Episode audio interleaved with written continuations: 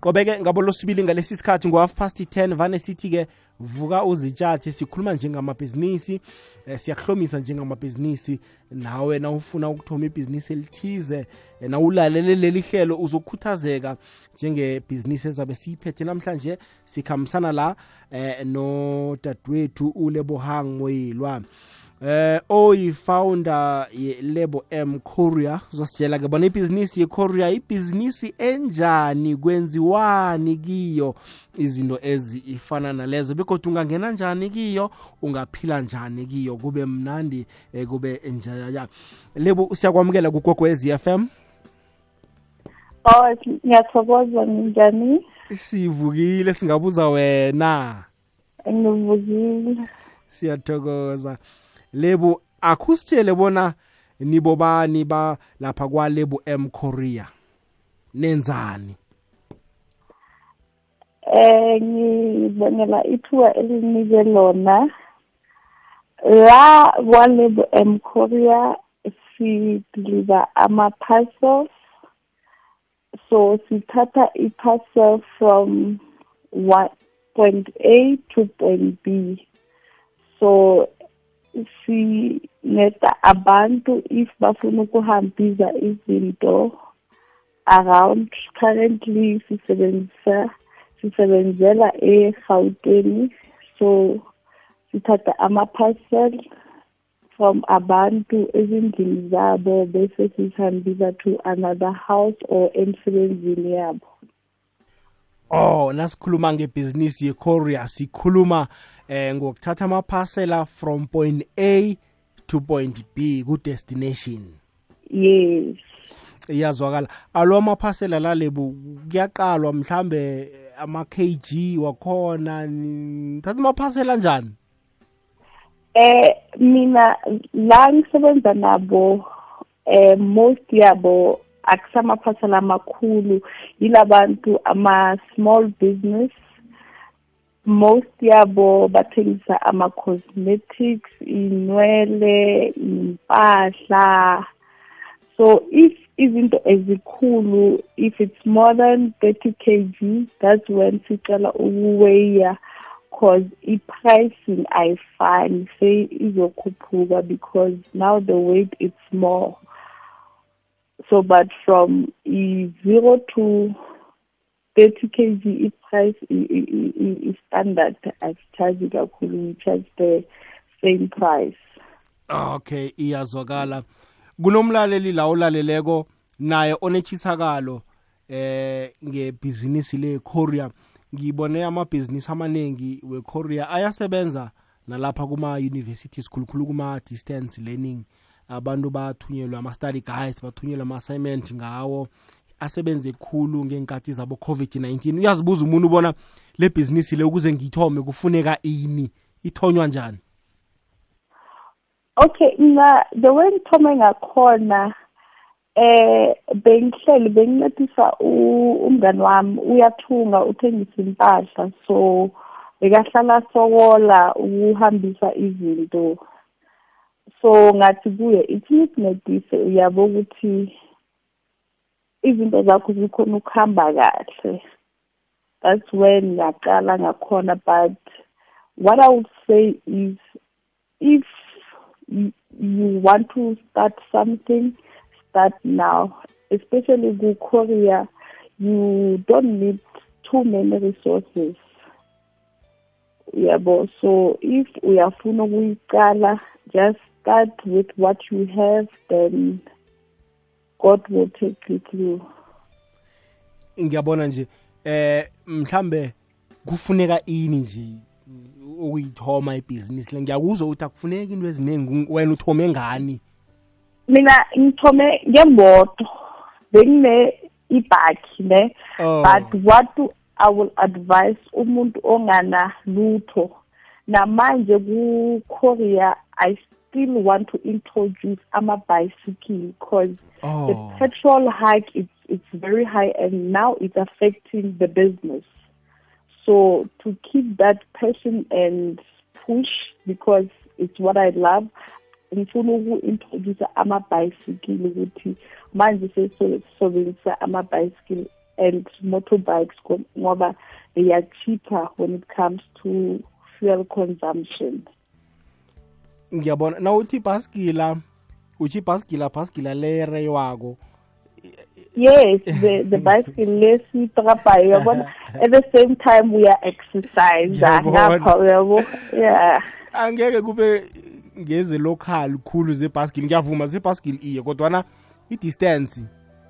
I-bicycle sizosebenzisa local. Let's say Oh, you are yes for local yabo mm. yes yes for local if kunento let's say uyayithatha from the shop uyisa Mm. the same area that's when siwasebenzisa so that we can save ama-cost from using the car ngiyabona ya Eh. ngoba manje iyasibulala ipetrol yo ngiyabona yazi ngendlela oyibeka ngayo dadwethu kubonakala ngathi kulula khulu ukuthoma ibhizinisi le manje nangithi nangathi mhlambe ngivuka kusasa ekuseni ngiyayithoma kufanele ngi- ngi- ngizirejistare nabo bani ukuze mhlambe ngaziwe ngibe recognized ngibe semthethweni. Khona ngizokuthola ibhizinisi. Eh mele uregister ku-DTI so you must have a CK have a registered company ama-SARS wakho abe right just follow the pro- procedure ukuthi uregistare lawfully so oh uthoma urejistara ikhampani uba ne-ck yes Ngiyabona. yes uba ne-CK yes. Nendaba zama-tax konke nje.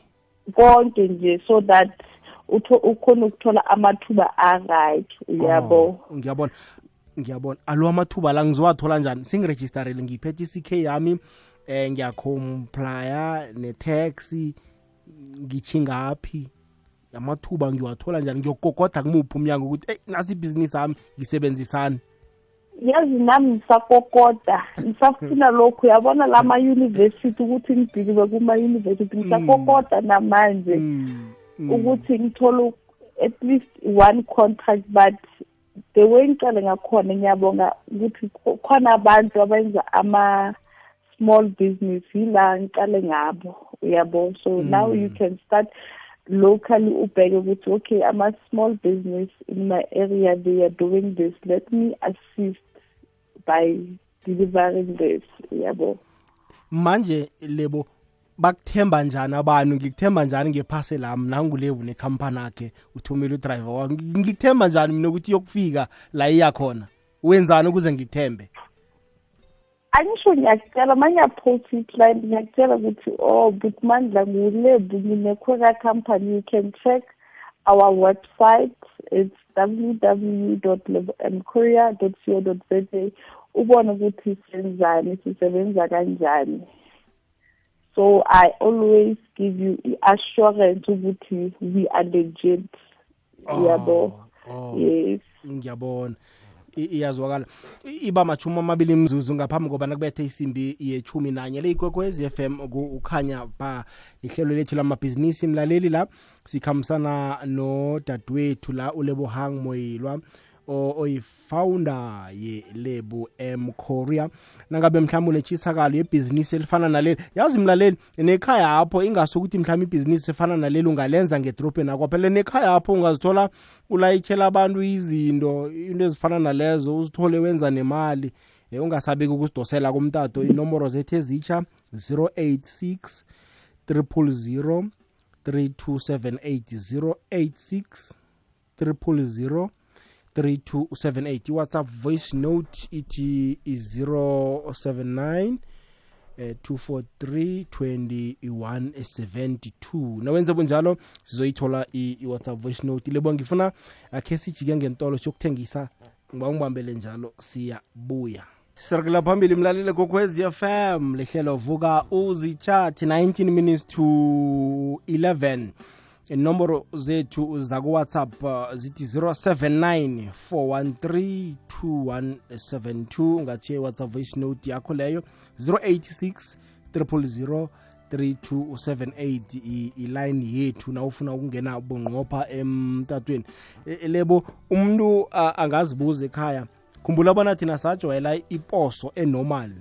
Umuntu angabuza athi nihluke ngani nini kune-post office ya khe sitsho njalo. Angisho i-post office remember lapha ku-post office kumele uye ulande into yakho the post office. So thina we are making things simpler and easier for you at your own convenience ukuthi uyithola endlini uhleli awufoli line uyayithola ifika kuwe bayanokha Ifika- bathi sikulethele iphasela lakho. Yes. I- iyazokala kileyo ndawo. No ku- kunomehluko omkhulu ke nokho yenza izinto zibe lula. Yes yenza into zibe lula because you avoid uh, ukuba equeuing traffic queuing ne-taxi yabo? So we make things easier ukuthi zibe lula for wena. Ngiyabona. Manje ke lebo enweni ezifana mhlambe ne-funding so i- zikhona mhlambe i-funding into ezifana nalezo kuleli bhizinisi? Nosathomako uh, you know on my side i- it's funded ngoba manje ng- ngisazama ukuthi nami ngithole i-funding so ngisazama abo sifa YDA so I haven't got any funding since ngiyaqala i-business so it's now that I need funding ngi-applyela. Ngiyabona. Yeah. Kuyatsho ukuthi nase sowucomplaye kuhle nento za-tax uregistarile kuhle une-ck yakho i-funding nawukokode kuhle nawubhala iproposal akho kuhle ungazithola sewule uyitholile yes yes. Iyazwakala dadewethu khe sizumlaleli la kwekwezilelo tshani ikwekwezilo njani? Okay. Si- sithatha umlaleli lebo sibambela njalo. Kokwezilo tshani yebo njani? Oh sikhona kunjani sesi? Sikhuluma nobani kuphi? Ukhuluma nakunolo manzana everast okay bunolo ezirasti nangulebu unombuzo mhlambe? Yebo eh first of all bengifuna ukuthi umtshele ukuthi like eh sisami congratulations eh ngifuna becela ucubeke ne? Ucubeke usenza proud. So manje imbuzo yami ukuthi ne? Mm. Eh amapheselo bethu wayinshora kanjani? Masalahlekile wayinshora kanjani? Ya mbuzo omuhle loyo. uyabhadala na? Kwenzakalani? Mbuzo omuhle loyo. Eh, U- u- u- Eh, okay, ungamphendula lebu ngiyathokoza, Sisi. Eh, thank you so much. Eh, we do insure ama-parcel. Sinento esibiza i-GIT it's good in transit. So ngoba ama-hijackings akhona ama-parcel ayatshontshiwa so siwa siyawa-inshora okay. Yes So, according to imali iphuma kuphi ebhizinisini yakho? Ma? Imali iphuma ebhizinisini or ikhona ikhampani ye-insurance eh or kanjani? Like uyaluza ma useyinsura angisho i-insurance like ifana let's say for imoto uyabhadala monthly yabo? Okay. Nathi yeah yeah it's it's the same thing with the GIT siyabhadala monthly ukuthi ama-goods wethu abe insured ngoba siyazi ukuthi ingozi zikhona endleleni ayalahleka ama-parcel okay thank you very much sisa noqhubeke ungapheli umoya. Ngiyabonga sisi okay sisi siyathokoza. Umbuzo omuhle. Ya u- udadewethu la ubuza umbuzo omuhle. Heyi ubuza umbuzo omuhle ukuthi into zabantu nazingalahleka uyozireplace njani? Mm. uphendulile bona i-insurance ikhona. Le ikwekwezi FM kukhanya pha ichumi nemzuzu emine ngaphambi kobana kubethe isimbi ye-chumi nanye ebusuku lihlelo vuka uzitshathe ngena mlaleli kokwezi FM ithubeli nawe ungazithola eh uluvulile ibhizinisi lelo ekhaya. Le emakhaya ingasukuthi libhizinisi ledrobheni kwaphela. Ngiyabona lebo abantu bathatha kwangathi ibhizinisi lingasebenza edrobheni kwaphela. Kanti abantu msi ikorea le bayayenza emakhaya bathuthela abantu izinto nedi ababoni ukuthi ibhizinisi yekorea abakayirejistara emakhaya le. Yes hence i was saying ukuthi yazi emakhaya ikhona ibhizinisi kakhulu than edrobheni. Hmm. Abantu abadala bakhona abasakhoni ukuhamba. Mm. that's where you come in uthi let me do this ngini assiste. Uyabo? Mm. seyiqalile kanjalo ikorea ukuthi ithi ngokubhadalela ama-rates ama-service. Mm. Mm. yes. Kunjalo ke sizwe umlaleli la ku-whatsapp lebu? Eh mm, sanibonani kwekwezini eh Mindlo Love mina bengicela ukubuza ukuthi eh iformula ebayisebenzisayo for pricing basebenzisa iformula enjani? How to ba ba ba- ba- bakwazi ukuformulate ama price ukuthi iparcel isuka kuphi iya kuphi? Lebu nakho umbuzo omuhle? Okay w- with i-pricing ne Mm. on my side mina I, I i made my own research i checked other courier companies ukuthi basebenza kanjani bachacha kanjani Mm. so that i can have a competitive price yabo? Even though now it's affecting me because of petrol hike but manqala it was fine. It was working perfectly fine uqala ini mhlambe na ubeka ama-prize wakho uqala isindo sephasela lelo uqala i-distance uqala ini? Nika nikala according to i-courier bag sibiza i-flyer bag. Mm. so la sifaka amaphasela phakathi khona ngikala according to yona. Oh ngiyabona. Ne-weight nayo iyasebenza lapho iyangena yes in, i- i- no i-distance ayingeni. Ku-flyer bag sithatha asicount i-distance we have a flat rate whereby it's hundred rands for lento engena phakathi kwe-courier bag ngiyayibona. Yes if I ayingeni that's where i-weight comes in ukuthi kumele siqale sibone ukuthi in- ingakanani so nakhona we don't charge according to i-distance we charge according to i-weight I- iyazwakala. Ngibawa ungibambele njalo lebu akhe siye ngentolo. Wathinta abafazi wathinta impokotho sikubulo somtshakalo owenziwa ngokuthula kodwana umphumela wawo waletha amajuguluko kibo boke abomma benarheni yekhethu. Namhlanje si-ijima lango-1956 ligidingwa ukuthabela ukukhumbuzana ngendaba ezithinta abantu bengubo ekhethwa phane afrika abomma basakandelelekile ngokwamalungelo. Ngamathuba ngemisebenzi ukusahlelwa nokubulawa. Isewula afrika njengephasi lonke iqale ukubujukulula ubujamo bokungakafiki u-2030 hashtag phakama mma. Le igwegwezi fm kukhanya ba lehlelo vukuzitshathe sikhambisana nolebo hang moyilwa oyi-founder yelebo m korea. Lebo uyithome nini ibhizinisi le? Ngithome 2019 2019 eh mara ngithome before ngiregister ngiregister 2020 yabo mara yona ithome 2019 wo uyithomile wayibona ukuthi iyasebenza wabona ukuthi eh-eh angikhambe ngiyoyirejistara yes. I- indaba e-covid inithinte njani? Nina nithintekile kiyo mhlambe? Yazi ukukhuluma iqiniso on my side covid eh yenza ukuthi ibhizinisi ikhule. That's when i saw ukuthi okay this thing is working out. Ngoba by then remember everyone bekasekhaya. So oh. we were yes we were the essential people ngiyabona sisebisa abantu sibalandela izinto. That's when i saw i-breakthrough lapho ku-covid ngoba abantu bebasemakhaya bangaphumi. So thina that time that's whereby i was very busy during covid time.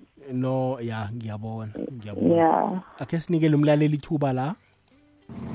Hello Major Love nosesi lapho. Eh Love ngisacela ukubuza man kusesi lapho. Le Korea le but i ukhona ukhona ukuphumelela njani ngeKorea because yazi Major Love khe bazongideliver ama document from Johannesburg to Kamhlanga but uh, I have to pay 150 rand only. Net ama-document kuphela.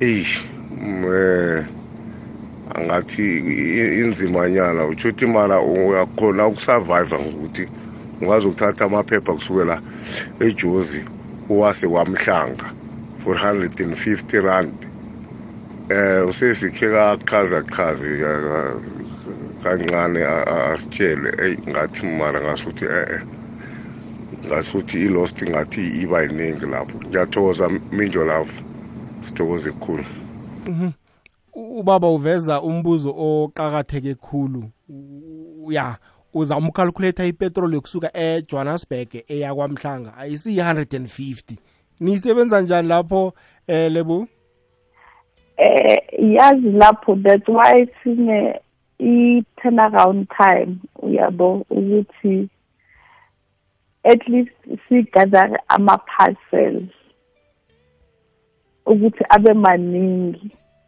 going that side. So sizo on my side ngoba bengisinikeze i-three days mara manje sengiyabona ukuthi hey iyangishayela i-three days ngoba i-petrol so i must extend my turnaround time yokudeliver so if ama-parcel we try to combine ama-parcel ukuthi abe maningi going to one place so that at least you can make money out of it even though it's not gonna happen overnight it's it's gonna take time Mm. so truly, when it comes to e-courier, you need patience. Profit-wise, working with people-wise, so you need patience, kakhulu. Yeah. Because you, you won't see it turn over now, now, now, now. It's gonna take time. But the more you have ama clients, the more you will see ukuthi okay, kuyasebenzeka.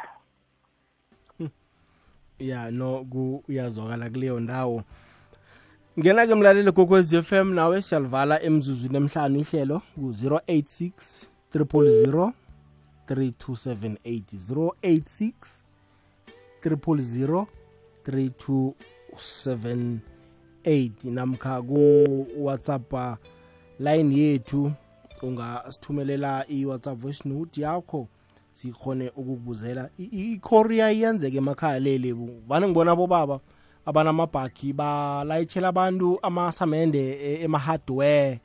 Eh iminyango bayise emakhaya kungiyikorea leyo abantu abakayitsheji sekuthi abakarejistari yes ngu-courier as long as u- uthatha into uyihambisa somewhere that's courier ngiyabona.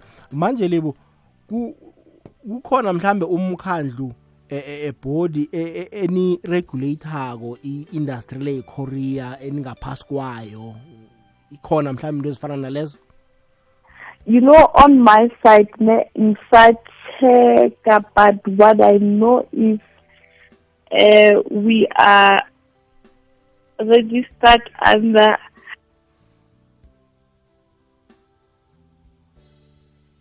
yellow uh, on on our side for e e Korea mm.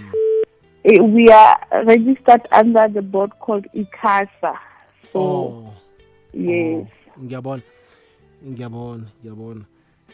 Manje umuntu nakafuna ama-services wenu niyakhona nitholakale online or umuntu uyithola njani umuntu namkha ikampani yekorea? Online uyafona into ezifana nalezo? Eh ungasithola ifoni yethu amanamba zero seven nine two eight four 7093 uh, alternative number is 081 879 2892 uh, both numbers are active on whatsapp. You can also find us on www.levelmkorea.co.za and our socials way to is label m underscore korea ngiyabona. Angifuna khe ngidobhe umlaleli la ikokwezi lelo tshani? Ikokwezi kokwezi lotsha mlaleli lotsha okay lebo. U- ungathini nje umlayezo wakho wokugcina emntwini onetshisakalo lokuthoma ibhizinisi le korea Eh, ngizothi use what you have the way bengisho ngakhona ukuthi awuqali edrobheni even emakhaya you can start cause even me on my side my vision for the business is based more emakhaya than edrobheni abantu basedrobheni they've got everything close to them but I'm asking myself, why should people in the rural areas suffer? They need ama resources more than abantu basedrobheni. So use what you have. Like I gave an example, ukuthi i-bicycle. You can use it, hmm. even though it's not gonna be easy. But if ile bicycle le izokuthengela iscooter, uyabo. mm, Make sure ukuthi you save the money. Ungayidli. You, you save the money. try to find ama clients and we are calling upon ama business ukuthi they must believe in us. It's it's not easy to break through. Eh sisawafuna lama contract uyabo? So like for instance igolo it's everywhere every village every town inegolo Eh, singadeliver like ey'kolweni amaphepha from this head office to another. Uyabo mm. from this branch to another. So ecoria it's something that you can do anywhere everywhere anytime. Mm. so what you need is it's, it's just a smartphone ngoba ama-location you can't get nekhanda. So i- smartphone is a necessity to have ya iyazwakala. Akhe sibuyelele godu inomboro zakho la nitholakala khona. U- uzi uzitsho slowly mlalela khona ukuzibhala. Zero seven nine two eight four seven zero nine three. Ezinye? Oh eight one eight seven nine two eight nine two. Website yenu? www.lebomkorea.co.za. Social media? It's label underscore m underscore korea. Hmm. Facebook ngiyo naleyo? Eh, yeah, fun. Facebook, the Instagram, it's the same. Lebo sithokozile ukuba nawe namhlanje sikufisela ichudu nawe ebhizinisini lakho siyathokoza ukwabelana nomlaleli kokwez FM ilwazi elingaka hayi ngiyakuthembisa uza kuvuka azidobhe ah enze ibhizinisi naye aragele phambili. Alright ngiyathokoza. Sithokozile lebo. Thank you. Ke ngulebo hang moyilwa ye-lebo m korea. Ikhona ibhizinisi laba kwethu. Msi ungathatha ibhaski lakho eh njengemakhaya emakhaya ekuseni badla ubrotho i-breakfast. Ungathola imizi le abahlali bokuthenga uburotho ekuseni ubabhalise. Ekuseni ngo-7 uyafika ngebhaski lanakho uthatha imali uthatha imali emzini lo uthatha imali emzini lo uyakuhamba uyobathengela uburotho uyabalethela mhlawumbe uyabatshaja i-five rand extra five rand five rand. Uyaphila yazi ngelanga uzithola uphethe mhlambe i- i- i- eh, i-50 rand namkha i-60 rand. uyakhona ukuthenga ukudla nawe udla yabona ibhizinisi kuthi semkhumbulweni womuntu mhlambe kunemizi eyi-5 uyazi ukuthi emzini lo vele bathenga ubrotho ekuseni vele. Ukhuluma nemizi leyo uthi hayi ningawari uza ngebhaskilanakho uyangena kwasikhosana kwamahlangu kwamabheni kwathombeni uthatha imali zabo. Bayazi mhlawumbe kune-extra two rand ethokoza wena. Usithola sewunemali ibhizinisi msiyithoma njalo. Yayibona indaba? Ngikunikela ibhizinisi idea. Siyathokoza.